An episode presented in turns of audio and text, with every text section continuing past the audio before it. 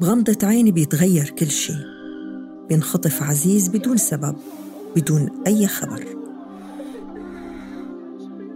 المصير مجهول بس الحبيب معلوم.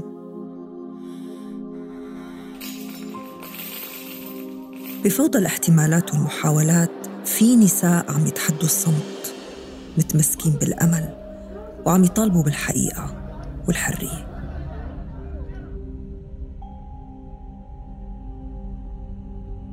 أنا يارا صبري رح رافقكم بسلسلة بعيد عن العين.